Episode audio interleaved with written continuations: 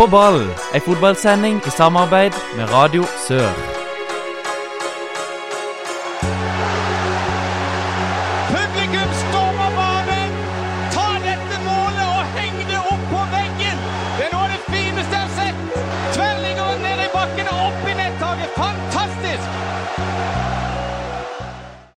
Hjertelig velkommen til en ny sending med På ball. Mitt navn er Anders Flastad, og jeg leder sendinga denne uka òg. Håkon er fortsatt på skogtur eh, ute i eh, de dype daler en eller annen plass i Agder, så eh, Han har vært hjemme en tur innimellom, så han har ikke vært der i, i strekk. Nei. Da måtte vi begynt å ringe noen, tror jeg. Ja, og godt er det. Ja.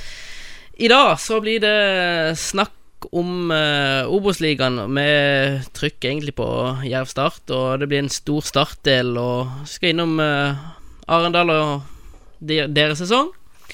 Vi skal innom uh, andredivisjon, tredjedivisjon og favorittdivisjon, fjerdedivisjon. I dag så har vi jo, som dere allerede har hørt, uh, John er med i studio. Hei. Og så har vi en eh, ganske prominent gjest for, eh, for, for vår del. Uh, Fevennens eh, Steffen Stenersen, velkommen. Jo, takk for det. Takk for det. Du, Steffen, du eh, Du er ikke herfra, er du det? Nei, det, det er jeg ikke. Det er godt, eh, godt avslørt. Eh, hvem, hvem, kan du fortelle litt om deg sjøl? Hvem er Steffen Stenersen? Trøndersk eh, klimaflyktning. Flytta ned hit for å studere Ja, i 2012 begynte jeg på Gimlekollen for å bli journalist. Og etter hvert som eh, studiet gikk, så ble det mindre og mindre, jo- mindre studier og mer og mer jobb i Fevennen. Kom inn der som frilanser, og så har jeg klart å karre meg til en jobb i sportsredaksjonen der, da. Så du jobber jo faktisk med det som vi gjør på hobby. Ja. Litt, Det i hvert fall. ikke så mye podkast, men, eh, men ja. Og eh, du har sikkert en eh, egen fotballkarriere eh, opp gjennom uh, årene og oppveksten. Ja, Avslutta veldig, veldig tidlig. Nei, jeg var veldig ivrig. Var, gikk på idrettslinje på videregående og skulle bli Som alle skulle jeg jo bli fotballproff. Men så begynte jeg til slutt å innse at eh, talentet mitt ikke var i nærheten. Du spilte A-lagsfotball. Nei. Nei. Ikke spilt A-lagsfotball. Jeg slutta til junior. Jeg har spilt middels juniornivå i Trondheim, og så ja, har det egentlig ikke blitt noe etter det. Mer, mer sånn bedriftsgreie, egentlig. Midtstopper. Ja, liker meg best som eh, defensivt anker, men eh, har egentlig ikke kondisjon til det. Så midtstopper, ja. Ja. Ja, Kan vi spørre om hvilket lag det er? Er det noe kjent noe? Det er ikke, det er ikke Rosenborg. Det er ikke Rosenborg, det er det ikke. Vi starta min karriere i Strindheim, som er et eh, kjent breddelag, og avslutta vel i Charlottenlund. Er det 4-3-3-fotball som gjelder i alle klubbene i Trøndelag? Nei, der var det mer sånn Spilte nærmeste mann og kom deg fortest til mål. Vi må over på det vi kan best, altså Obos-ligaen. Så vi tar en kort pause, og så er vi straks tilbake. For vi skal danse med myggen i sola. Vi skal danse med myggen i regn. I eh, helga som var, så var det jo eh, stort derby her på Sørlandet. Jerv mot Start, og Start stakk av med alle tre poengene med sifrene 3-1. Målene kom fra Skålevik og Hadzic, og så får Jerv skåre Akintola. Uh, Steffen, du var vel eh, på plass, du? Det var det. Kan du si litt om uh, de, dine tanker om den kampen? Det var en veldig, veldig gøy kamp, med to lag som Altså, det skulle jo tro at det var Start som skulle være den, den store favoritten, med sånn som det har gått hittil i sesongen. Men Jerv har et veldig bra lag på papiret, og det er et veldig merkelig at de har underprestert sånn som de har gjort. Eh, men alt i alt så ble det en veldig solid gjennomført kamp av, av Start. En av de mer solide bortekampene jeg har sett av det i år. Med et Jerv som slapp det egentlig ganske lite med sjanser, selv om Arne Sandstø mente uh, mente at de var det beste laget egentlig hele kampen. Men uh, Nei, det var en, en sterk gjennomføring, spesielt av et solid stoppepar hos Start. Spesielt Tapio Heikele. Og så er det Steffen Lie Skålevik da som er en åpenbaring i startdrakten. Tapio kjemper jo veldig for å beholde den plassen sin, og gjør han ikke det? Han gjør nok det, og er nok eh, trolig ute av laget så fort uh, denne Damien Lowe er, er i form. Han var jo på landslagsoppdrag i helga for uh, Jamaica. Og Steffen Lie Skårevik, si noen ord om hans inntreden i Start. Du sa, nevnte det jo litt allerede. Han har jo løfta det laget. ja, fire mål på tre kamper. Fem på fire hvis vi tar med den treningskampen mot Sandefjord. Han har vært eh, Han sier har vært aldeles strålende. En sånn typisk 100 %-mann.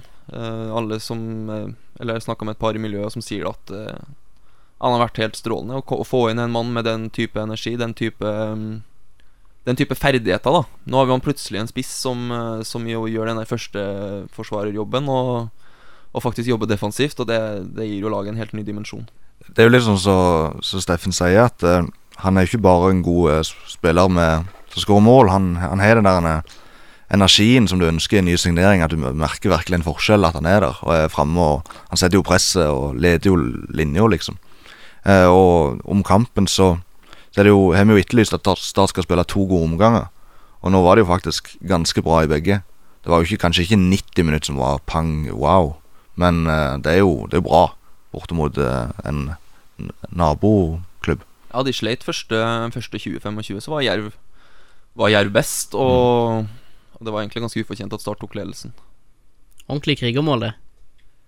Det til, til Start, ja. ja det, det, der ser du hva du får med Skålevik. Ja. Det, for, ikke noe stygt om Dennis Antwi, men han ville ikke skåra, han ville ikke vært der. Og ville ikke gått 100% inn i den, inn i den duellen. Det er sånn som sånn som supporterne elsker, egentlig. Ja, det, ja. Og så har du jo han eh, Adnan Halsic kommer inn og skårer. Kom rett fra landslagssamling, etter det jeg forsto. ja, han spilte vel en omgang, eller kom inn i hvert fall mot uh, Sverige, G19, og der de vant 4-2 dagen før. Så det var ikke aktuelt at han skulle starte, i hvert fall, leste jeg. Nei, det var ikke aktuelt at han skulle starte, men han har vært uh, han, Du ser at han har noe spesielt. Han er jo bare 18 år. 18 år. Mm. Det er vel G18-landslaget han spiller Ja. G18, ja. Men uh, uansett, han, han, du ser at han har en utrolig ro med ball til å være så ung. Han, uh, han virker Han har en veldig god fot. Og så er det en, en framdrift. Det er ikke bare pasninga på tvers som gjør det på det trygge. Han har en god fot som han bruker også til å, til å, til å passere ledd. Det er veldig typisk at når ungguttene kommer inn, så spiller de kanskje litt mye på tvers og gjør det enkelt og sånt. Jeg syns han ser ut som en som faktisk prøver å skape noe for laget og, og gjøre en forskjell. Veldig sånn uredd type da når du går også ut i, i direktesendinga hos oss i FVN etter kampen og sier at eh, opprykk det blir ikke noe problem. det, er ikke alle på Sørlandet som er så offensive. I hvilken rolle vil du si han er best på, på midten der? Er det i den rollen som Segberg har spilt i, eller er det som en av de to indreløperne? Jeg ville nok brukt den i den dype rollen, i den treeren, ja. Eh, der har man jo også fått inn en amerikaner nå, i, i Conor O'Brien, som gikk rett inn i startoppstillinga. Altså, man kan jo ikke forvente så mye etter to dager i en tropp, liksom, men han, han gjorde seg ikke bort, i hvert fall. Nei, og med de forutsetningene der, så, så syns jeg òg han gjorde en bra kamp. Ja, Når du er inne på de, eh, på de nye, så har jo Start eh, vært aktive nå i sommer og henta Floki og Lowe og O'Brien, i tillegg til Hadzic og Skålevik. Kan du ikke si litt om, eh, om de spillerne, andre spillerne som er kommet inn? Du har vel sett de både på trening og kanskje sett litt eh, kamper av de Ja, de, tidligere? de som ikke har liksom spilt så mye. Ja. Jeg tenker Lowe og Floki har spilt litt, men ja. Lowe og Floki. Ja. De har vært veldig klar i start på at det er, lang, altså det er langtidssigneringer. De er signert på tre og et halvt år, og de skal få tid på, på å komme seg inn i laget, komme seg inn i kulturen. Selv om Island og Norge er ikke så veldig ulik kultur. Men eh, det er vel først til neste sesong, tror jeg, at vi får virkelig se i hvert fall hva, hva Floki og, og Low har å bidra med. Men det som er gøy med disse signeringene, er jo at det her er det Start som har vært på Start som har liksom vært i førersetet hele veien. Det er ikke en agent som har spilt inn et navn, eh, en ukjent spiller som man har fått en video på, og så ser man video, og så er man litt usikker, men man henter fordi man må. Her har man gjort en grundig research. Damien Lowe har Tor Christian Carlsen sett på i halvannet to år. Og da, da får du et helt annet grunnlag på å hente en spiller, og da blir jo også omgivelsene, fansen, eh, vi i media også mye tryggere på at det gjort eh, Det som er gjort, er riktig, da. Det er ikke så mange som bare kunne droge opp Damien Lowe fra hatten med etter et par uker i jobben, liksom. Det sier jo litt om Carlsen, tenker jeg. Ja, det er jo Tor Christian Carlsen er jo den soleklart viktigste signeringa her. Altså, man kan si mye om at han ikke har vært i så lenge i så mange klubber og, og vært litt rundt og sånn, men han har et vanvittig nettverk. Det merker du med en gang du snakker med mannen, at han har eh, kjen, til, eh, kjennskap til en helt annen type spillere enn en andre i Start har. Og sånn så angående Floki, at liksom Island og Norge er ikke så forskjellige, men jeg husker godt uh, Jon Dadi Bødvarsson. Han kom til Viking og var vant med å spille for uh, 80 stykk i Selfors, selv om det var eliten på Island, liksom. Så er det et steg opp, og selv om ikke Sør Arena er fullsatt, så er det en stor stadion, og det er ganske mye folk i forhold til det de er vant med. Og tempoet er kanskje òg høyere, det vet jeg ikke, men de må de trenger litt tid uansett hvor bra de er. Rapportene på Island sier jo også at uh, Floki har vært uh, en type som ikke alltid har vært like seriøs i treningsarbeidet. Og at det, det har vært noe han har liksom tatt tak i det siste året eller to. da Litt sånn late bloomer. Litt sånn late bloomer. Og, men han ser, jo, han ser jo bra ut. En stor, sterk targetspiss som, eh, som ikke minst skårer mål. Kan han sammenlignes med noen som har vært i Start tidligere, og som har spilt framme der? Det er jo lett å dra sammenligninga til Mathias Williamson. da Eh, De er fra samme land. Og Mathias sier jo det sjøl også, at um, At de er, de er ganske like. Men eh, jeg tror kanskje Floki er enda litt mer har litt mer ekstremferdigheter. Han er enda litt sterkere i boksen, enda litt mer målfarlig.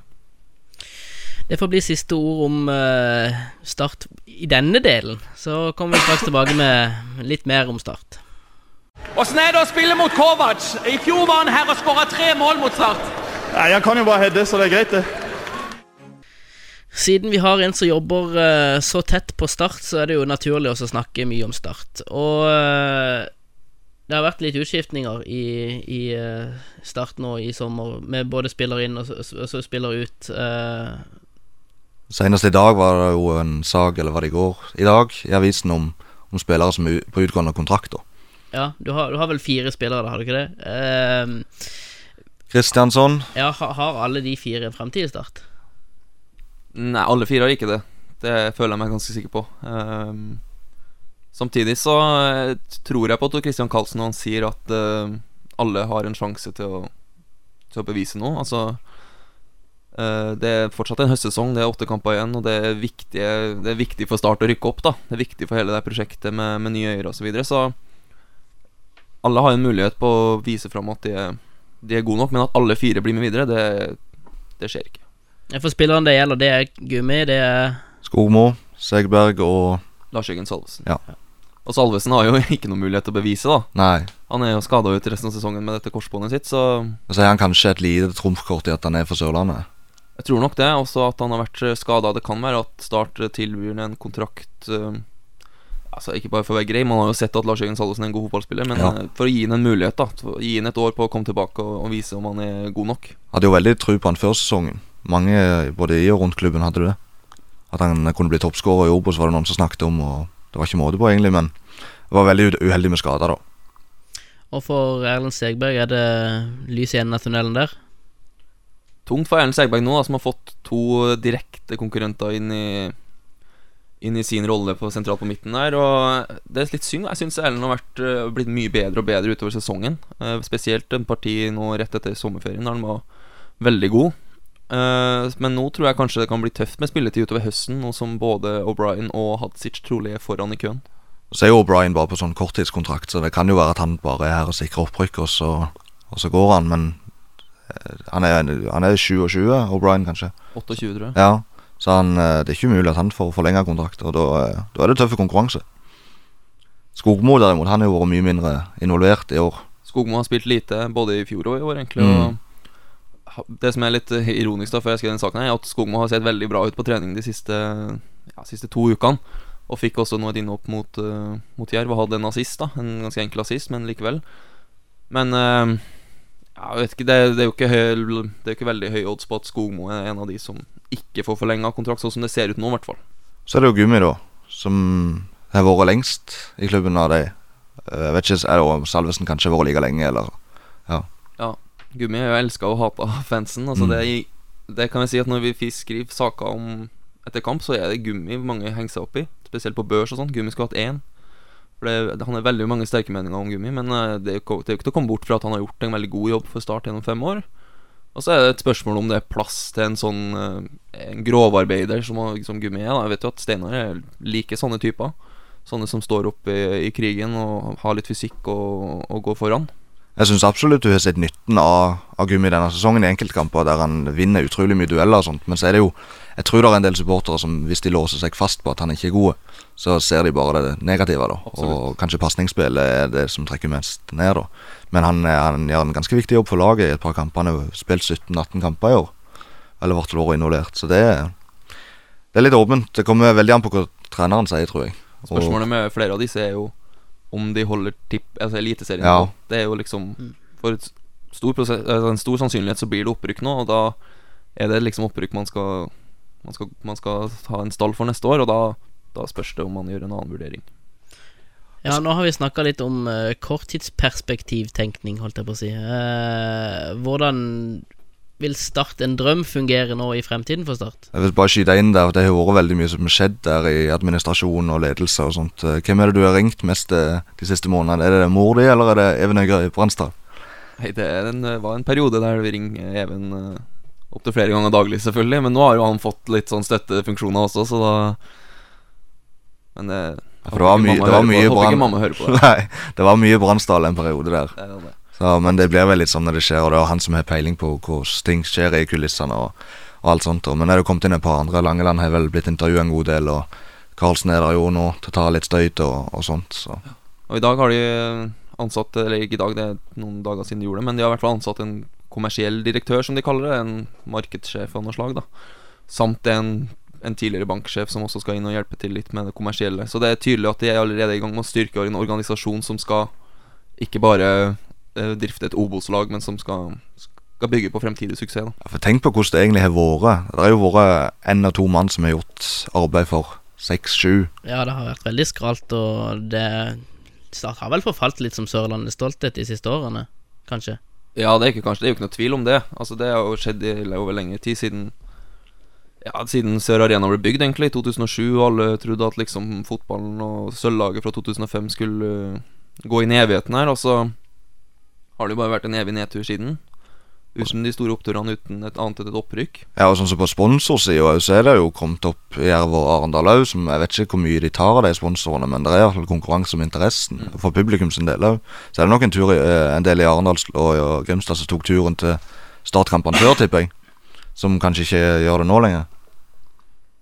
Hvis vi skal snakke litt, litt fram mot neste sesong, da. Eh, trenger å starte masse nye spillere. Er det Det, ja, Ja. de trenger det, og ja, de kommer til å hente nye signeringer. De har allerede, vet jeg, satt i gang jobben med å kartlegge signeringer som skal hentes inn i januar, og, og det, det er klart det, det trengs. Altså man har, man har fortsatt en ganske tynn stall, eh, eller den, den, til Obos å være, så er det en, en ålreit stall nå som man har fått inn disse forsterkningene, men uh, når man kommer til Eliteserien, så vil det kreve mer av, eh, av en stall. Og det er jo der Carlsen kom inn igjen i, i bildet, sånn som du snakket om uh, angående Lowe og, og Floki, at det, han er i forkant. I fjor så ble liksom Dooley Johnson og et par av de her andre henta sånn helt på slutten som en nødting. Mens nå allerede nå så er de klare for januarvinduet snart, liksom. Og ikke å snakke om Nigel Rio Coker, da. Ja, Rio Coker jo Som, eh, Kanskje stjerneeksempelet Det var det. ting som ikke fungerer. Alle klubbene som sa nei i Norge, og så kom han her til slutt. Og vi så hvordan det gikk. Og det har, det har vært litt sånn med Start sine signeringer før eh, disse signeringene ble gjort nå i sommer, at man har henta spillere som eh, ikke har blitt signert av andre klubber, men som de har sagt at nei, han har fått gode skussmål. Han har vært på prøvespill i Ålesund, fikk gode skussmål der. Men de har, det er jo en helt klar og tydelig grunn til at de ikke har blitt henta der. ikke sant? Mm.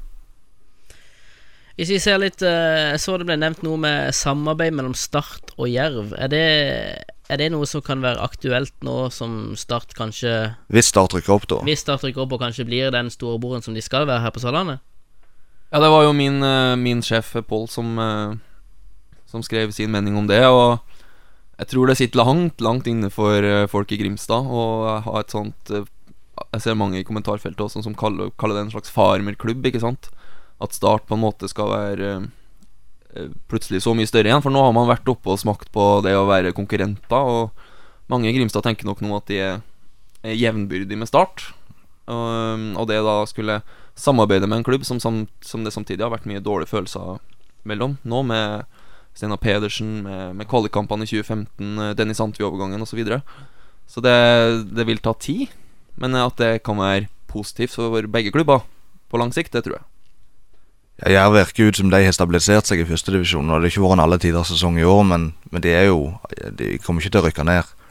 Eh, og så ser du f.eks. enda en divisjon ned. Vindbjart henter Collett på lån ifra, ifra Jerv uten problem. Det var liksom helt naturlig at han trengte å spille førstelagsfotball. Og, og det var liksom null stress. Men jeg, jeg ser jo den Steffen sier, at det har vært mye mellom de to lagene. Med, med trenere og spillere som har bytta klubb, da. Og det har ikke vært uproblematisk. Så det skal litt til at sånt blir gjennomført. Det får være siste ord uh, i denne eh, saken. Vi må ha en pause.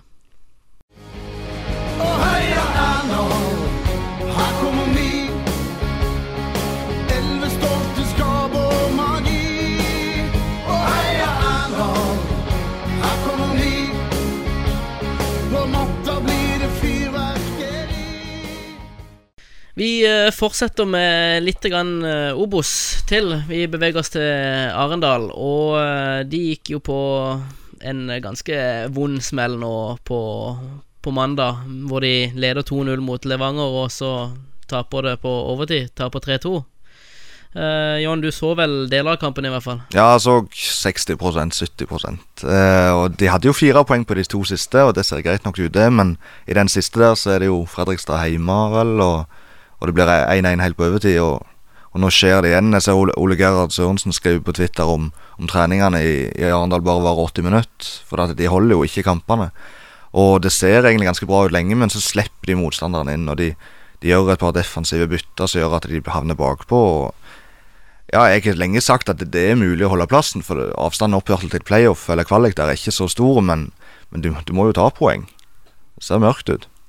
Ja, jeg tror ikke Arendal Jeg tror Arendal er sjanseløs nå. Eller sjanseløs er det ikke, men sånn som de har sett ut, da, så, så ser det ikke bra ut. Og jeg så det jo mot Jerv på, på Levemyr for et par runder siden, og det Da var heller ikke Jerv gode. Da var det en, en særdeles dårlig fotballkamp mellom to svake lag. Ja, den første omgangen der var noe av det verre jeg har sett, nesten. I hvert fall første halvtimen. Men eh, nei, jeg syns på en måte at Jeg eh, kjenner jo spillermaterialet og sånt, og jeg syns ikke det, det, er så gale. Men de klarer liksom bare ikke å reise seg og, og stå en hel kamp ut. De har jo folk som skårer mål. Forsvaret slipper jo inn mye mål, men jeg syns ikke det er så dårlig som det kanskje resultatene tilsier, da. Og jeg syns heller ikke forskjellen etter de sparka trenerne er blitt så veldig store. Nei, Nei, det kan du jo godt trygt si at det ikke har vært. Og det Jeg, jeg stusser jo veldig på at han legger eh, Eller legger mye på to gamle ringrever i Petar Rankovic, som har spilt mye stopper. Og, og Peter Kovac, Peter Kovac da som, eh, som, har ikke hatt noen suksess på, på topp, og som nå har blitt benka etter hvert. Men uh, Spesielt den her Rankovic, uh, at han har fått spille så mye, det, har jeg stussa veldig på. Spesielt som stopper. Er veldig lenge siden han spilte førstedivisjon sist. Før denne sesongen. liksom Han begynte jo bra, som vi snakket om sist pod. Han skåret fire mål og sånt, men det, det ble veldig primitive fotball. Og, og det heter seg jo det at hvis du sliter i bånn, så må du gjøre ting enkelt, men uh, det har jo ikke funka, i hvert fall. Nei, og vi snakka jo litt om Rankovic sist òg, og mm. seriøsiteten. Men det, det, er selvfølgelig mye mer seriøst nå, men hvor lenge kan han holde på på dette nivået, liksom? Nei, og si det. Uh, nye stadion nå.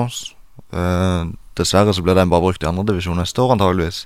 Så Det er jo kjempeslag for Baugen. Det, det var jo satsing, og de skulle ikke bare holde seg, de skulle jo klare seg skikkelig godt. Kanskje kan en stadion være med på å gi det liksom den lille dytten som trengs. Det er jo ikke så mange poeng opp til Nei. Fredrikstad på en kvalik, så vi skal jo ikke gravlegge Arendal helt ennå. Og hvis Arendal rykker ned, så tror jeg heller ikke at den satsinga blir Den blir ikke begravd, den heller.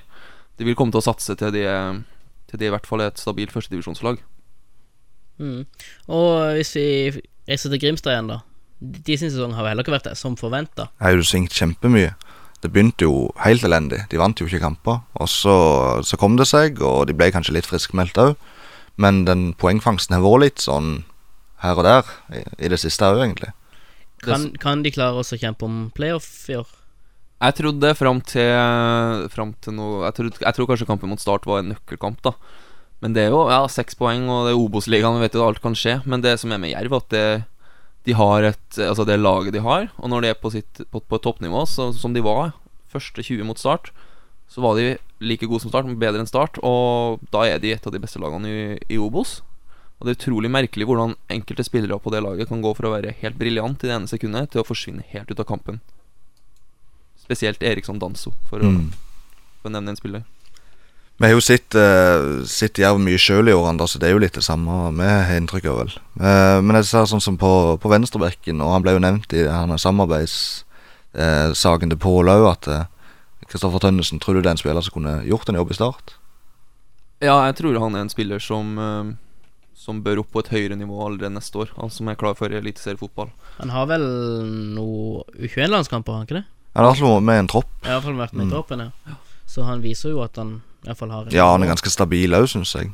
Så, så, har han fysikk, ikke sant, som vi så mot eh, med landskampen nå på mandag. At det det er en mangelvare i norsk fotball. Det er ordentlig fysikk, men han er en back med, med gode offensive ferdigheter, i tillegg til at han eh, har fysikken til å håndtere defensive Det er godt vi ikke skal snakke om landslaget i dag, altså.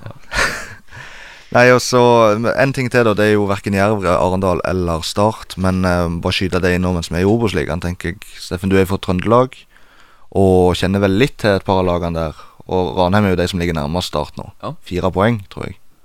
Det er, Ja, det er vel annen med, ikke tre? Ja, Ja. Uansett. Det Kan de ta det igjen? Skulle gjerne sagt eh, Jeg skulle ikke gjerne sagt ja, men eh, det er veldig, altså, veldig gøy med Ranheim, da, er jo at de de utfordrer liksom eh, de store klubbene med penger. Ranheim er en bitte, bitte liten klubb med en arena som er bitte liten, og som det er knapt penger i det hele tatt. Og så, så er det liksom den De har litt den moralen i laget at vi, vi det er vi mot resten. Og det er liksom den som kommer til å ta dem ganske langt her, men jeg tror ikke det, det holder, altså. Vi snakker jo hvert år om at uh, sprekken til Ranheim, den kommer. Kommer den i året? Ja, på den tida her tidligere så har den jo, prøv, har den jo allerede kommet. Så de har jo allerede holdt lenger enn de har pleid. Men eh, et, et, om det ikke sprekker, altså, så tror jeg ikke de vil følge med, med Start inn, i hvert fall. Du har et lag i, i Sandnes òg som eh, kanskje kan melde seg på, eller? Ja, det er en skjebnekamp i kveld, da. Nå spiller vi jo inn her onsdag ettermiddag, og det er Bodø-Glimt-Sandnes Ulf i kveld. Og med tap så er det jo fem poeng. Fire-fem poeng. Og klart da ja, Nå skal jo Start ha Bodø-Glimt neste, neste runde også, så jeg, jeg tror Sandnes Ulf blir den sterkeste utfordreren til Start. Men eh, jeg, jeg ser liksom ikke at noen av de lagene skal kunne kjempe med, med Start. Nei, for da burde de egentlig vært nærmere allerede. Ja, Ja, de burde det. Og Start har et Har vel det enkleste kampprogrammet også. ja og de har Bodø-Glimt i neste kamp hjemme start, og, og Bodø-Glimt må jo snart være fornøyde. De, de kommer jo til å gå opp uansett. Ja, ikke sant Altså, så Start må jo bare hoppe på På Glimt-seier i, i kveld og, og la Glimt seile sin egen sjø, og så ta andreplassen. Siden vi er inne på eh, neste kamp, skal vi bare ta kommende Obos-runde med en gang. Ja. Eh, Arendal skal til Florø. Ja. Hva tenker vi om det? Nei, det- Florø ser jo ikke ut som de slipper av på gasspedalen, egentlig. Sterkt, eh, sterkt hjemmelag. Ja, en dårlig, dårlig kamp mot uh, Tromsdalen, da. Ja. Veldig heldig som fikk med seg poeng.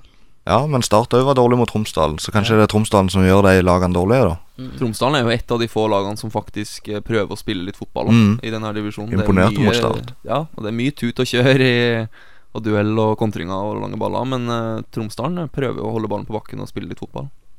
Ellers så skal uh, Jerv òg på bortekamp. De skal til Myrdal. Ja. Kan de få med seg noe der? Ja, Åsane ser jo ikke bra ut. Nei, det er jo faktisk det laget som ligger nærmest eh, nedrykk, eh, som ikke er på kvalik eller nedrykk, da. Og tapte mot Fredrikstad sist. Mm. Det er bare, Som Amund. Lutnes spådde så fint i, for, i forkant. Det, jeg trodde ikke på det, men det skjedde. Det er bare fire poeng nå eh, fra Fredrikstad og opp til Åsane, så Åsane kan virkelig finne på å Ja, de i året. ja, men sånn for Jerv sin del, da, så trenger jo virkelig Åsane den seieren. Da, så de kommer ikke til å få noe gratis, i hvert Nei. fall. Men Jerv så såpass bra ut uh, i perioder, i hvert fall mot, mot start, at hvis de klarer å, å komme opp på det nivået, så, så er Åsane lett match. Det var det vi hadde for uh, Obos uh, denne gangen. Nå uh, beveger vi oss nedover i divisjonene og til andre og tredje. Vi tar en kort pause. BK du blå,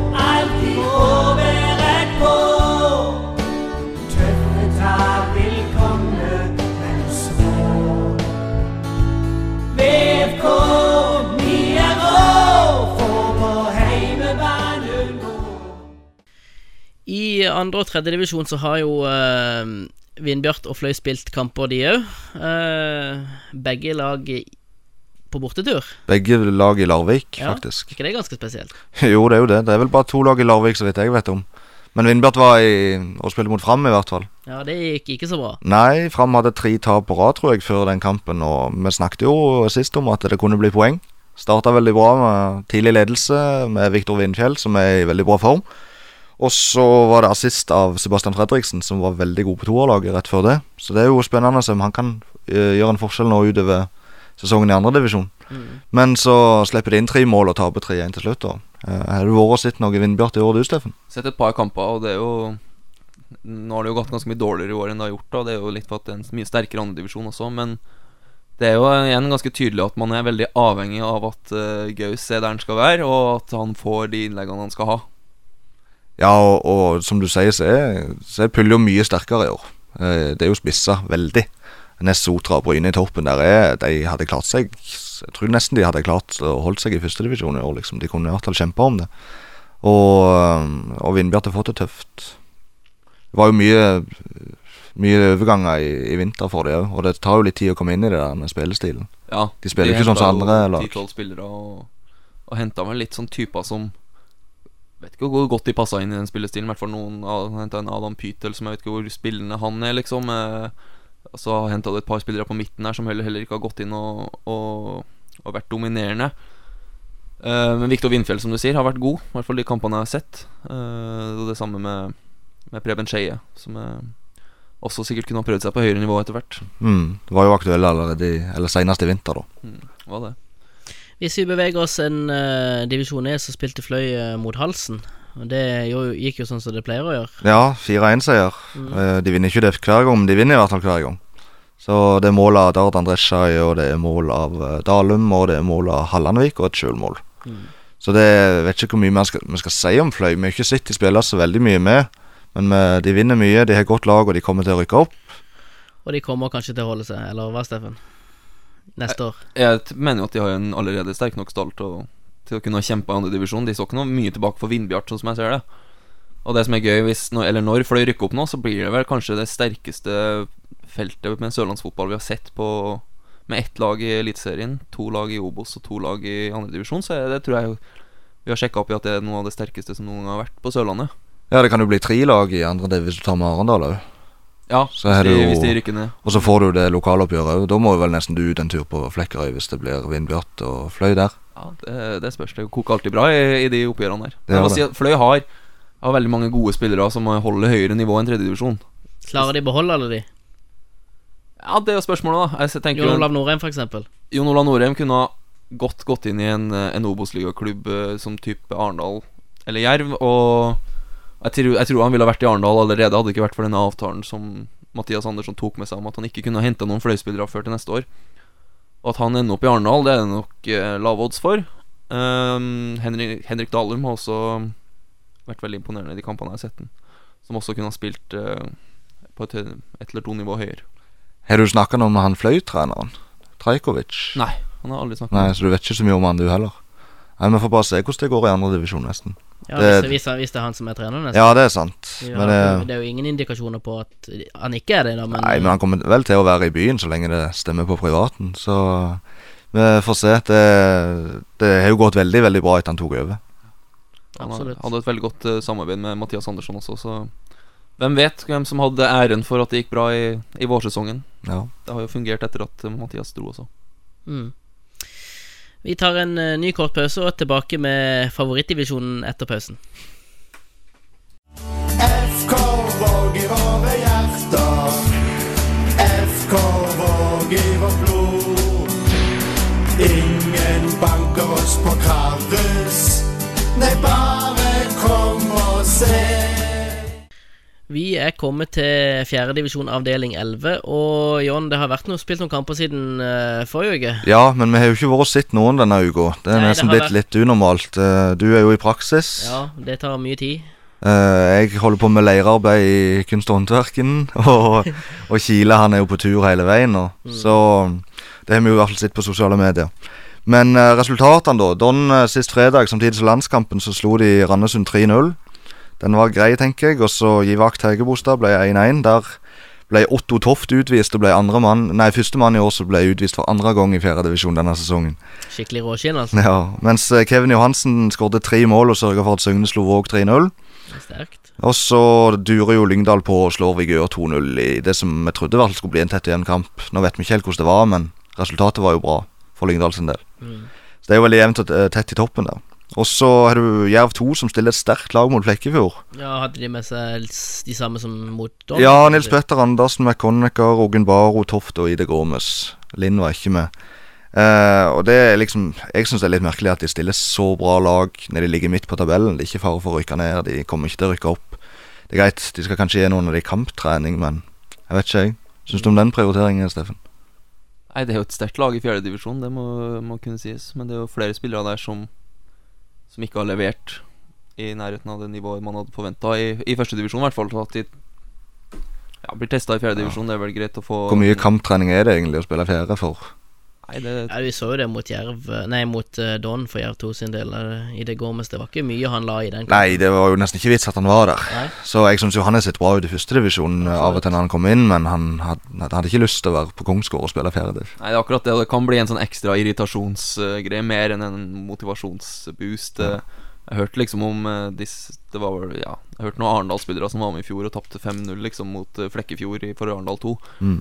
Det, da er det ikke sykt kult å få den kamptreninga. Et like sterkt lag stilte ikke Arendal 2, men de slo MK 4-3 på bortebane likevel. Eh, Lars Kielen skårte mål. Ellers var det Hakim Wil Wilkinson og, så, og to andre da som ikke er så aktuelle for A-laget, i hvert fall. Eh, så det var egentlig de kampene som er blitt spilt siden sist. Hvordan ser tabellen da ut, Anders? Nei, eh, Lyngdal eh, leder de. To poeng foran uh, Vindbjørn 2, og så har du igjen eh, Don på tredjeplass med 35. Ja, mens jeg har Lyngdal og Lyngdal og Vindbjart har én kamp mindre spilt. Det er jo verdt å nevne, så det ser jo ut som at de to seiler av gårde og kjemper om den opprykksplassen. Men så ser Don såpass bra ut at vi får, får holde litt eh, Eller avvente litt på den, da. Så får vi se hvordan det går. I bunnen så er det jo de to uh, vanlige med Hegebostad og Givakt som uh, ligger der fortapt nesten. Ja, det er jo bare to lag som rykker ned i og med at Gimletroll har trukket seg, så de teller vi ikke med. ja, begge de to lagene, eller i hvert fall Hegebostad, burde vel kanskje hatt en trepoenger mot Givakt for at de skulle hatt sjans. Ja, burde nok det. Så På kommende, kommende kamper er det jo òg. Ja, det kommer jo kamper fort som hagl nå når landskamppausen er over. Ja. Jeg tror ikke de var så prega av det i fjerdedivisjon, selv om Rogvi Ballevensson som spiller i andredivisjon, skårte bort mot Portugal. Eh, på torsdag er det Ril mot Givakt. Fredag er det Hegebostad Flekkefjord. Mens lørdag er det både MK Lyngdal og Vigør mot Våg. Og så kommer det to mandagskamper i tillegg med toerlaget til Vindbjart som skal spille mot Don borte. Det blir en fin kamp. Toppoppgjør der. Verdt å merke seg. kanskje ta turen. Ja, jeg tror vi kan eh, ta turen der, ja. Og så er det Jerv 2 mot Arendal 2, så det er jo et lokaloppgjør, faktisk. Jeg vet ikke Ja. hvor mye det betyr for deg nede på det nivået, men Vanskelig å si, vanskelig Ja. å si. Vi tar en kort pause, og så er vi straks tilbake. Norges lag nummer én Rune Almenning Jarstein. Nummer tre Kjetil Wæler. Nummer fem lagkaptein Brede Hangeland.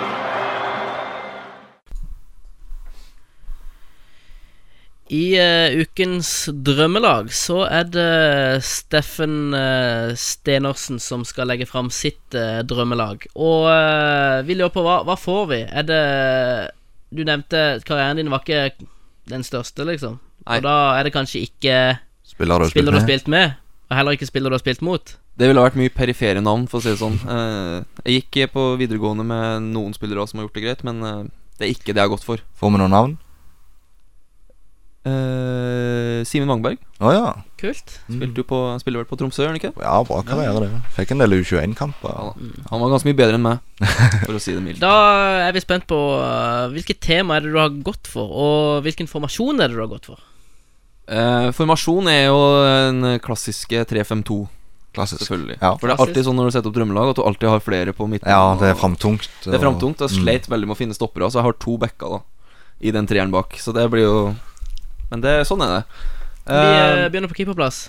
ja, jeg har Eller gått, tema, da. gått Ja, tema, et tema, tema, eh. Jeg har alltid vært veld, veldig glad i norsk eh, tippeliga, norsk fotball generelt. Og eh, vokst opp med Rosenborg og, og blitt veldig glad i sånne typer som ikke nødvendigvis gjør det veldig bra i norsk. Altså ikke fotballegender som eh, Odd Iversen, eh, eh, Harald Martin Brattbakk og disse gutta der, men gutta som har blitt litt, mine legend, litt blitt legenda i mitt hode, i hvert fall. Gjennom ja. væremåte eller eh, Eller for at de rett og slett var så dårlige at de har blitt litt kulthelter, da. Høres ut som et drømmelag. Kan jeg bare spørre før du tar det, har du et favorittlag i utlandet? Ja, jeg er Liverpool-supporter. Liverpool. Greit. Vi kan gå videre for det. Ja, Ja, selvfølgelig. keeperplass. Kjør på. Vi starter på keeperplass, og der har vi eh, mannen som var på lån i Vålerenga. Jeg, jeg sjekka det i går. Jeg tenkte han var liksom var der i flere sesonger, men han var der bare på lån et halvt år. Pa Dembo Toray Fra Gambia. fra Gambia. Det er Mannen ikke med- en spiller jeg kjenner til. Nei. Mannen med verdens lengste utkast. Altså Han kunne pælme den ballen 200-300 meter. Ja, han kasta langt, altså. Og han var Han var en veldig sånn fargeklatt også. Uh, ut, sånn som jeg husker det, i hvert fall. Jeg husker jeg liksom Hver gang jeg skal ha en keeper, så er det enten Padembo Toray eller Emil Baron. da Så de det sto mellom. Emil Baron, den gamle Lillestrøm-legenden. Men uh, Jeg husker han uh, Padembo Toray fra Royal League-dagene. ja, Det var der liksom han dukket opp, og så kom han til Vålerenga etterpå, tror jeg. Uh, og så har jo Alexander Schou og Thomas Aune snakket en del om han i podkastene sine. Men de hadde noe på, på hva han gjorde i dag, tror jeg. Men jeg husker ikke helt hva det Nei, var. Men det det var, det var en svær mann. Ja, Han var svær, han var stor som et hus, og som sagt, han hadde stilt opp i VM i spyd, så han tatt jo gull Men, lett. men bare et lån eh, Eller et år i, i Vålerenga, på Et lån. halvt år, sånn vidt Halvt jeg år, kunne se på, men det var jo Mm. Wikipedia, så Ja, ja. Var det, var det en god keeper? Sånn som jeg husker det, så var han, han var decent, liksom. Han var en ålreit skuddstopper, men uh, Kast han du Gikk- husker han for? det kastet han. Det, det er kun kast jeg husker han for, og at han var en, en type som jeg, jeg kunne like, da. Litt sånn uh, utafor boksen, utafor banen. Og. Veldig glad i sånne typer som ikke bare går og sier én kamp av gangen. Og Det er klart, det. Vi går videre. Vi har en tre, treer på midten, da, som sagt. eh, med to Rosenborg-inspirerte backer. Ja. Eh, som ikke eh, nødvendigvis føyer seg inn i Rosenborg-historien, fordi det var veldig, veldig gode backer. Men eh, vi starter med Robbie Russell, Ja. Å, det er fi, fin spiller. amerikaneren som eh, ble henta fra Sogndal. Var vel best der. Var best i Ja. Sogndal, gjorde størst karriere i Sogndal og ble henta til Rosenborg har jo gjort det et par ganger og henta spillere som Et par gjør det bra ganger, ja. et par ganger. Og han ble vel aldri noen eh, stor suksess i Rosenborg. Jeg husker bare Jeg syns han var så latterlig dårlig. Oh, ja, det er derfor han er med. Det er rett og slett derfor Ja. han er med. Fordi eh, han Rosenborg har tradisjon for å ha gode backer. Han skal er avhengig av backene i den 4-3-3-formasjonen. Å ha en så latterlig dårlig spiller, det går ikke. I tillegg så så jeg veldig gøy på Twitter i går, oh, ja. helt tilfeldig, med Robbie Russell, at når han var i Sogndal, når han kom til Sogndal, så leste han seg opp på Henrik Ibsen. Ja, det stemmer. Det stemmer for å ha et eller annet å prate med lagkameratene sine om. Ja, det var sikkert masse å snakke om der i garderoben, tenker jeg. Sånt gjør meg glad. Ja. Uh, den andre bekken, da, eller som spiller i den treeren, er Roy Miller. ja. Ja. For han var vel òg i Rosenborg en tur. Ja. Han var også i Rosenborg. Men han var vel best før. Han var også i best. Costa ricaner, det. Ja. Costaricaner.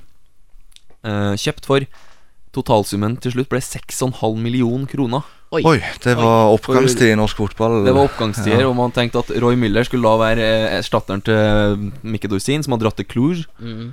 Kom tilbake fra Romania til et halvt år. Roy Miller ble skada, fikk ikke spille noe mer, og dro til, Ja. Han dro til USA etter hvert. Jeg tror han var i USA, ja. Så tror jeg han spilte en del landskamper. Jeg vet ikke om han var med i EM, med VM-troppen Ikke EM, i hvert fall. Men VM-troppen, Ja, ja, kanskje. ja. Ja. Men uh, i Rosenborg han var sikkert bedre enn jeg husker, Mm. men han uh, ikke verdig en Rosenborg-karriere, men verdig en plass på mitt drømmelag, da. Hvem er det som skal styre denne back-treeren? Det kan jo ikke være noen andre enn uh, Pa Modoka. Yes. Ja, ja Kongen av Tøyen, som han kaller seg Ja. sjøl. Altså bare, Det er jo bare å se et TV-intervju med den mannen. Ja, det var han som hans, lakk i ripa i stedet for Lakk ripa i lakken. Ja. Hadde han i hvert fall. Lakk i ripa. Så har han vært veldig sånn Flytta jo til Qatar for å spille fotball. Jeg har vært veldig sånn ærlig på at Ja, jeg gjorde det litt for pengene. Ja. Det er litt deilig med en spiller som liksom Sier det rett ut. sier det rett ut at penger det er jo viktig. For Var jo en kjempegod fotballspiller. Ja, ja, ja. Husker han skårte i treningskamp mot United for Vålerenga. Og han, eh, det der brassesparket i Nederland Ja. Vet ikke om du sitter når han går og håndhilser på alle eh, lagkameratene etterpå i feiringen. Fantastisk. Rå Veldig type. kule type. ja Veldig, veldig kul type.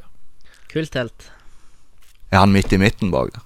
Ja, jeg tenker han må spille sentralt, og så får de to andre backene gjøre som de vil, egentlig. De, Ja, men han klarer det, han. jeg tror han, han, han holder styr på det. Og det er deilig å ha to pa baki der. Ja. Dembo Toray og pa Modoka. Det Femmer på midten. Femmer på midten. Hvor vil du begynne hen? Vi begynner på um, ja, Vi begynner på høyre kant. Ja. Der er det et uh, Det er vel det eneste sørlands Eller sørlandsinnslaget, da. Ganske fersk fyr. Men man måtte bare bli glad i Uduak Idemokon. Ja Ja. Jeg var på Jeg var møtt ham på Kjevik Når han kom i fjor sommer. Og det første Eller et av det første han sier når i intervjuet, er um, I'm not just talented, I'm gifted.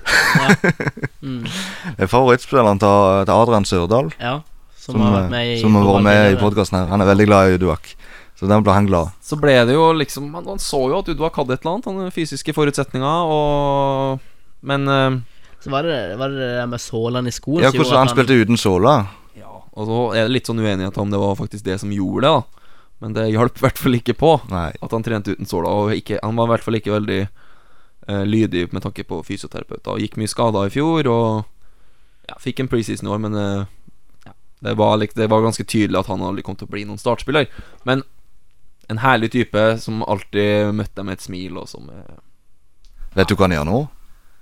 Altså, Han bodde ganske lenge i Kristiansand. Om han fortsatt bor i Kristiansand, det er jeg usikker på. Men uh, jeg tror ikke han har fått noen klubb. Eller? Var det han det var snakk om at skulle få nye eh, kontrakt plutselig, selv om Ja, etter at Salvesen og Sigurdsen uh, ble skada, så var jo plutselig Udoak tilbake på trening. To uker etter at han hadde fått, eh, fått fyken. Så For de satt jo med Uduak i Kenna og Antve en stund. Ja. Og det ble jo ganske likt, føler jeg, sånn på, på banen i hvert fall. Austin Ikena kunne ha også vært med på, på det laget her, men han var ikke Han nådde ikke opp. Litt mer beskjeden type. Ja. ja. Men Udvak får fullt fortjent. Hopper vi rett over på venstresida, eller beveger vi oss Nei, vi går, vi går innover, ja. Ja. Ja. Og vi da har fått en indreløperrolle her, da. Eh, ikke at jeg tror at han er løpssekk til det, men Charlie Miller Mm. har i hvert fall fått Har fått den. Og det er for at jeg elsker personer som kan eh, minner litt om meg sjøl. Har litt samme kroppsholdning som meg sjøl, litt ekstra kilo å bære på, men som fortsatt kan operere på en fotballbane. Det er det som gjør fotball vakkert for meg, at sånne typer fortsatt kan, eh, kan være gode. da. Sånn som jeg husker Charlie Miller, så tror jeg ikke han eh, ser helt lik ut som deg, men uh... Ikke, helt, ikke like høy, kanskje, men eh, vi har begge litt, litt ekstra kilo kanskje å gå på. Og begge er glad i en det var jo fantastisk, fantastisk teknikk. Ja, Han, han var jo litt Raymond Kvisvik, egentlig. veldig Raymond Kvisvik. Jeg tenkte på Raymond Kvisvik når jeg, Så det var han eller Charlie, men eh, Mm. ja, typer som kan bare stå i midtsirkelen og, og strø de pasningene. Ja, jeg husker han sto ute med krittet en gang og fikk en langpasning, og så var han egentlig pasningen for lang, men så dempa han bare med ansiktet. Ja. Og så hold, holdt han han i spill, og så spilte han videre. Det var veldig, veldig bra. Han og Robbie Winters, der. Og... ja, Robbie Winters også. fine duo. Det var en periode der mellom ja, ja, På midten av 2000-tallet Det var utrolig mye deilige profiler i norsk fotball. Ja, det er jo det du snakker om, at det, det er det vi savner nå. Det er Liksom. det vi savner nå. Så det her er en uh, liten tur tilbake til det, da. Fint. Vi skal tilbake til en annen type som uh, han har fått uh, Han var jo egentlig spiss, da. Men han får spille sentralt her. Også det laget her er ikke veldig Det er ikke balansert. Det er ikke veldig balansert, Nei, men du det kan kalle det dynamisk. dynamisk, Ja. kan vi kalle det. På sentralt på midten så spiller Dylan McAllister. Oi, Ja, da har du en annen brannhelt. Har det Ja. vært en spiller i norsk fotball som har sett mer ut som han har vært snytt ut av en episode av Home and Away? Home and away. ja, det er, så, det er så sant. Den, det var en beachboy av det lange håret, og så søkte han opp på Twitter i går, og så ser jeg at han har klippet seg. Oi, Og begynt å få litt vika også, faktisk. Oi. Så det, det kommer en dag for alt. det kommer en dag for alle, og vi, skal, vi sitter og ler av det, men vi ender opp der sjøl, sikkert. Ja. Men uh, Det var vel en targetspiss, egentlig. han var en targetspiss. Mm. Han var nok det. Han skåra en del mål både for Brann og for eh, Lyn. Han kan vinne mange utspark da på, på midtbanen. på det. Mange, mange av utkastene til keeper. Ja, kan Han kan stusse jo ha det en videre. framskutt eh, sentral rolle, selvfølgelig. Det Ja, han spilte i Lyn òg, ja. Stemmer Ja. det. Det hadde jeg glemt. Lyn hadde en, en del eh, profiler der Ja, etter hvert. Så vi kommer tilbake til flere lynspillere etter hvert. Men uh, vi går videre til en uh, Vålerenga-spiller. Mm. Tobias Gran. Ja. Ja. Jeg tenkte det med en gang du Når du har begynt på dette laget, og skulle ha en Vålerenga-spiller, så bare poppa det navnet opp. Han er kaptein på det laget. Det må nesten Mm. være. Altså uh, Han hadde jo et vanvittig høyt toppnivå. Samtidig så var han jo for, hatt stor, for stort ego for sitt eget beste, altså. Og det ja, Nydelig fyr. Nydelig Brydde seg veldig om hvordan han så ut. Mm. Og det ryktes jo at han på en treningsleir i Kypros jogga, var på joggetur med laget i bar overkropp. jogga forbi et vindu, så seg sjøl i speilet. Og jogga inn i en stolpe, Klarte ikke å ta blikket fra seg sjøl. rett og slett. Det, men det er jo et rykte, da, selvfølgelig. ja, Som men, journalist er det viktig Og, ja, det er sant. Men uh, han bytta vel klubb nesten hvert år. Ja, Det var ikke langt ifra. i hvert han gjorde det, men Så eh, fin, tror jeg faktisk det er en Tobias Gran i Stabæk nå, en unggutt, norske. Jeg er usikker om det er Stabæk eller Sarpsborg, men det er en Tobias Gran i norsk fotball i dag òg. vi får bare håpe at han kan Ja. leve opp til halvparten av det Tobias Gran Ja, da er det godt nok. den svenske var. På venstre kanten så har vi en uh, tidligere lynhelt som ga seg veldig ung, men uh, Kim Holmen. Ja. ja. Turneren.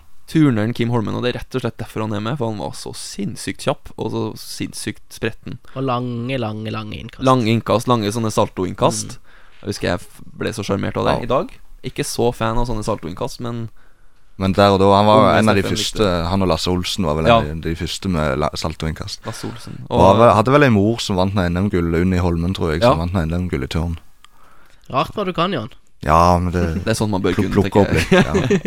Og så var Kim Holmen må også sies å ha gjort eh, det, det, Og mye av det her kommer jo gjennom FM, ikke sant? Mm. At man har gode opplevelser med disse spillerne på laget sitt. Og det, Han hadde rundt 20 i fart, han. han hadde akkurat 20 Ja. fart.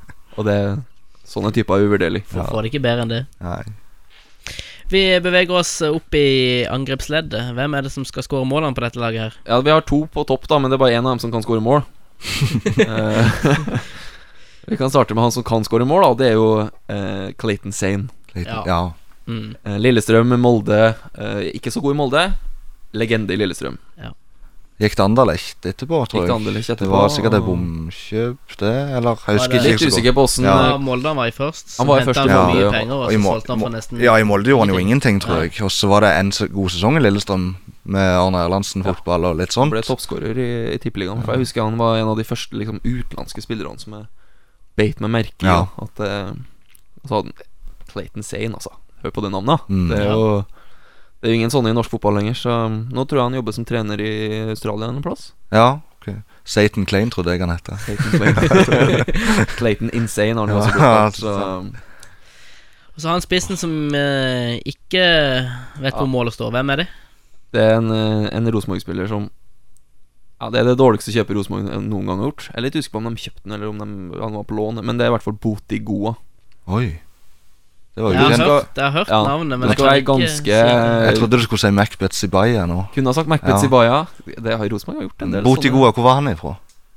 Uh, han var afrikaner. Jeg er litt usikker på hvilket land han var. Jeg tror han var fra noe sånn type Mali eller et eller annet sånn litt sånn obskurt uh, fotballand, i hvert fall. Ja. Tidlig 2000-tall, eller? Nei, Nei. det her er 2011-2012. Oi, han er gått helt under radaren min. Og det er ikke rart, for han eh, ble veldig fort uh, skada, men eh, lenge før det så så du at det er en spiller som ikke er i nærheten. og det at en så stor klubb som Rosenborg kan hente en sånn spiller, ja, det Det er bare bevis på at uh, Ble det noen A-kamper? Det er jeg litt usikker på. Ja. Har ikke sjekka statistikken, men jeg så en, kamp, en cupkamp mot Byåsen. Samme kampen som han ble skada i. da ja. Men Er det en overgang à la Alidia, eller? Norges Alidia. Norges Alidia, Vi kan godt kalle det Norges Alidia. Men uh, Boti Goa er jo et fint navn. Like liker gode Ja. navn også, så um, ja.